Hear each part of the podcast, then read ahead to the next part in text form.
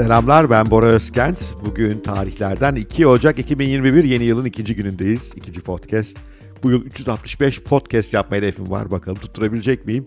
Bu podcast'te biraz paradan bahsedeceğiz. Parayı nasıl harcamalıyız? Şimdi diyeceksiniz ki hocam ya parayı daha kazanamadık ki nasıl harcayalım? Biliyorum Türkiye'de para kazanmak zor. Ama şu an inanıyorum para konusundaki görüşlerimizi, duygularımızı, fikirlerimizi değiştirirsek para kazanmanın yollarını daha kolay bulacağız. Çünkü her zaman para kazanmanın yolu var.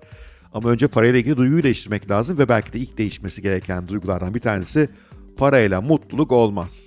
Hayır, parayla pek hala mutluluk olur ama bu parayı nasıl harcadığınıza bağlı. Evet, bugün parayı nasıl harcarsanız mutlu olursunuz. Bunu ele alacağız. Şaşırtıcı şeyler anlatacağım. Bakalım hoşunuza gidecek mi? Hazır mısınız? Başlıyoruz.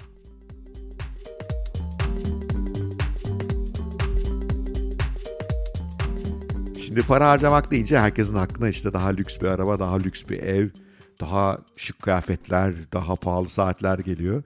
Değil mi? Param olsa bunları satın alırım hayalini kuran çok insan var. Fakat araştırmalar gösteriyor ki bunları satın almak e, uzun vadede çok da mutluluk vermiyor. Hatta bir araştırmacı bu tip ürünleri satın almayı bir hedonik bantta koşturmaya benziyor. Ne demek hedonik koşu bandı? İşte hedonik demek zevk koşu bandı. Hep böyle zevk almak için koşturuyorsunuz ama aslında aynı yerde duruyorsunuz ve mutluluğunuz artmıyor. Neden? Çünkü gidip mesela en pahalı saati alıyorsunuz. 2-3 gün sonra yenisi çıkıyor daha güzeli. Çok e, güzel bir araba aldığınızı düşünüyorsunuz. 3 gün sonra daha iyisi çıkıyor. Bunu bile reklamını yapıyorlar. Hani onu satın almazsanız ezikmişsiniz gibi hissettiriyorlar size kendinizi. O zaman da bir türlü mutlu olamıyorsunuz. Fiziksel ürünlerin başka sorunları da var. E, fiziksel bir ürüne sahip olduğunuz zaman endişeler basıyor sizi. Bunu nasıl koruyacağım, nasıl bozulmayacak vesaire hayatınıza yeni dertler katmış oluyorsunuz. Ve belki bundan da önemlisi çoğu fiziksel ürün tek başımıza tükettiğimiz şeyler.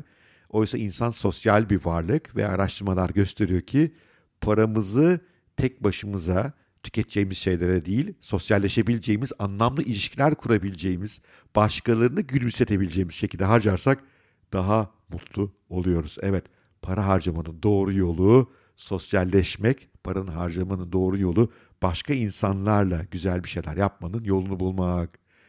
Ve belki de en güzeli güzel deneyimler yaşamak. Ne demek bir deneyim? Anlatıyorum. Anne babanızdan eminim duymuşsunuzdur. Size şöyle demiş olabilirler. Oğlum o tatiline gittin o parayla kendine işte bir şey satın alsaydın, kenarda tutsaydın veya veya işte mesela bir dünya seyahati yapan birisi epey de para harcamıştır denir ki ona ya şu parayı harcayacağını bir ev alsaydın daha iyi değil mi vesaire. Evet, burada tabii bir güvenlik sorunu var. Hani geleceğe doğru güven ama daha önemlisi de fiziksel ürünlerin daha kalıcı olduğuna inanan çok insan var.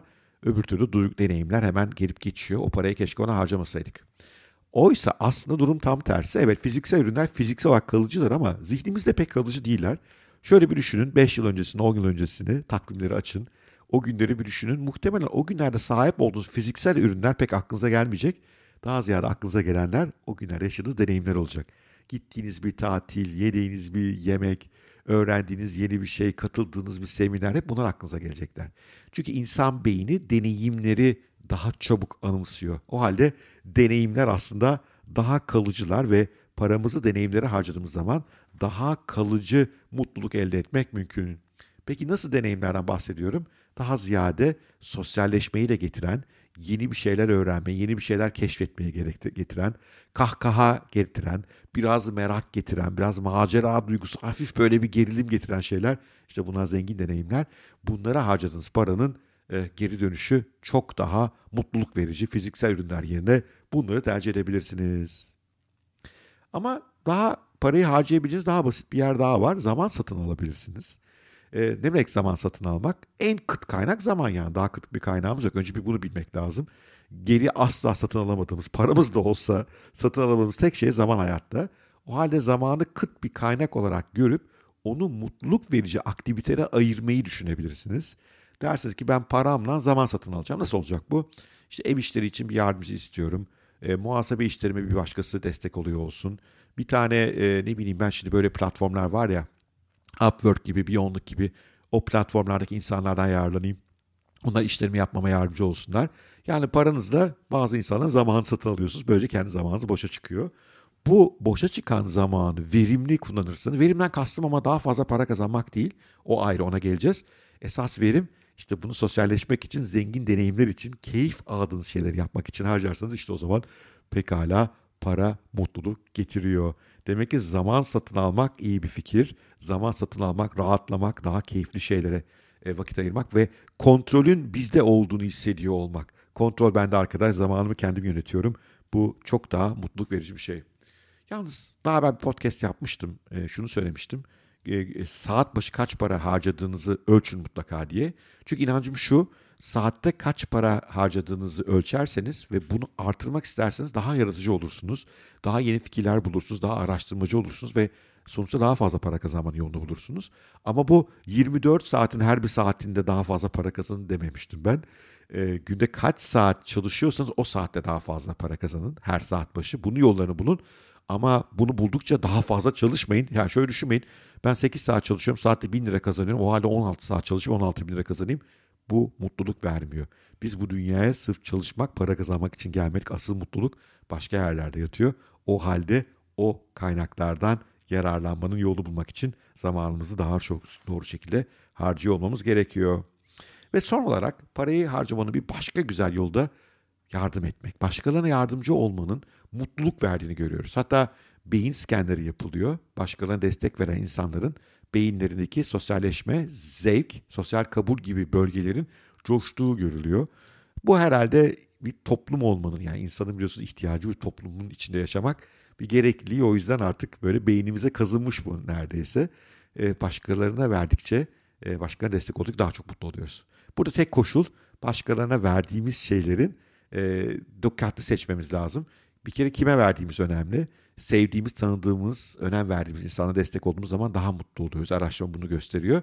İkincisi bir misyon duygusuna, bir misyona destek oluyorsak bu bizi daha mutlu ediyor. Atıyorum çocukların eğitimine destek oluyorsak bu bizi daha mutlu ediyor. Ee, daha e, mutluluk hormonlarımızı coşturuyor. O halde başkana destek olmak iyi bir fikir. Peki fiziksel hiçbir şey satın almayacak mıyız? Elbette alacağız. Bir kere temel ihtiyaçlar var onları göreceğiz. E bizi mutluluk ediyorsa ediyorsa şık bir gömlek giymenin bir sakıncası yok açıkçası. Ama çok fazla tüketmeyeceğiz bunları ve fiziksel taraftaki tüketimleri de yine sosyalleşebileceğim şeyler harcayacağız. Mesela gidip bir bisiklet alın. Bu bisikletinize bir bisiklet kulübüne katılın. Hem spor yapın hem de bisikletçi arkadaşlarınız olsun. Bakın mesela buna diyecek bir şeyim yok. Ya paranız var gittiniz güzel bir yazlık satın aldınız veya kiraladınız. Orada arkadaşlarınızı, ahbaplarınızı, dostlarınızı ağırlıyorsunuz. Bakın buna da hiçbir diyeceğim yok. Bunlar yine paranın doğru harcandığı yerler. Peki ben bugün anlattıklarımı nereden buldum? Bunlar benim kendi tecrübelerime, dünya görüşmeme dayalı.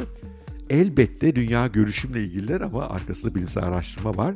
Popular Popular Science dergisinde e, Aralık ayında yayınlanan bir yazı var. Günaz e, Kaan isimli bir hanımefendi. Türk sanırım emin olamadım. E, çünkü araştırdım background'unu bulamadım e, kendisini tam. E, ama müthiş bir makale mutlulukla para arasındaki ilişkiyi araştırıyor ve pek çok başka bilimsel makalede referanslar veriyor. Aşağıda linkini veriyorum bu makalenin. İngilizce uzunca bir makale ama okumanızı çok tavsiye ederim. Benim anlattıklarımın çok ötesinde detaylar var orada ve bilimsel background'u da var. Çünkü biliyorsunuz mutlulukla ilgili bir sürü insan işkembeden bir şeyler uyduruyorlar. Ben bilime inanıyorum. Bunların arkasında iyi kötü bilimsel araştırma var. Okursanız anlattıklarımı bilimsel tabanda bulmuş olursunuz. Her zamanki gibi çok teşekkür ediyorum beni dinlediğiniz için. Harikaydı burada olmak sizlerle beraber. Eğer siz de beğenmişseniz bir like, bir yorum süper olur. Bir paylaşım daha fazla insana ulaşmanın yolunu buluruz. 2020, 2021 affedersiniz refah dolu olsun, bolluk dolu olsun. Öyle çok para kazanalım ki parayı nereye harcayacağımızı düşünmeye başlayalım. Bu podcast'te hep o dönemde aklımızda olsun. Parayı doğru yere harcamanın yolu olarak.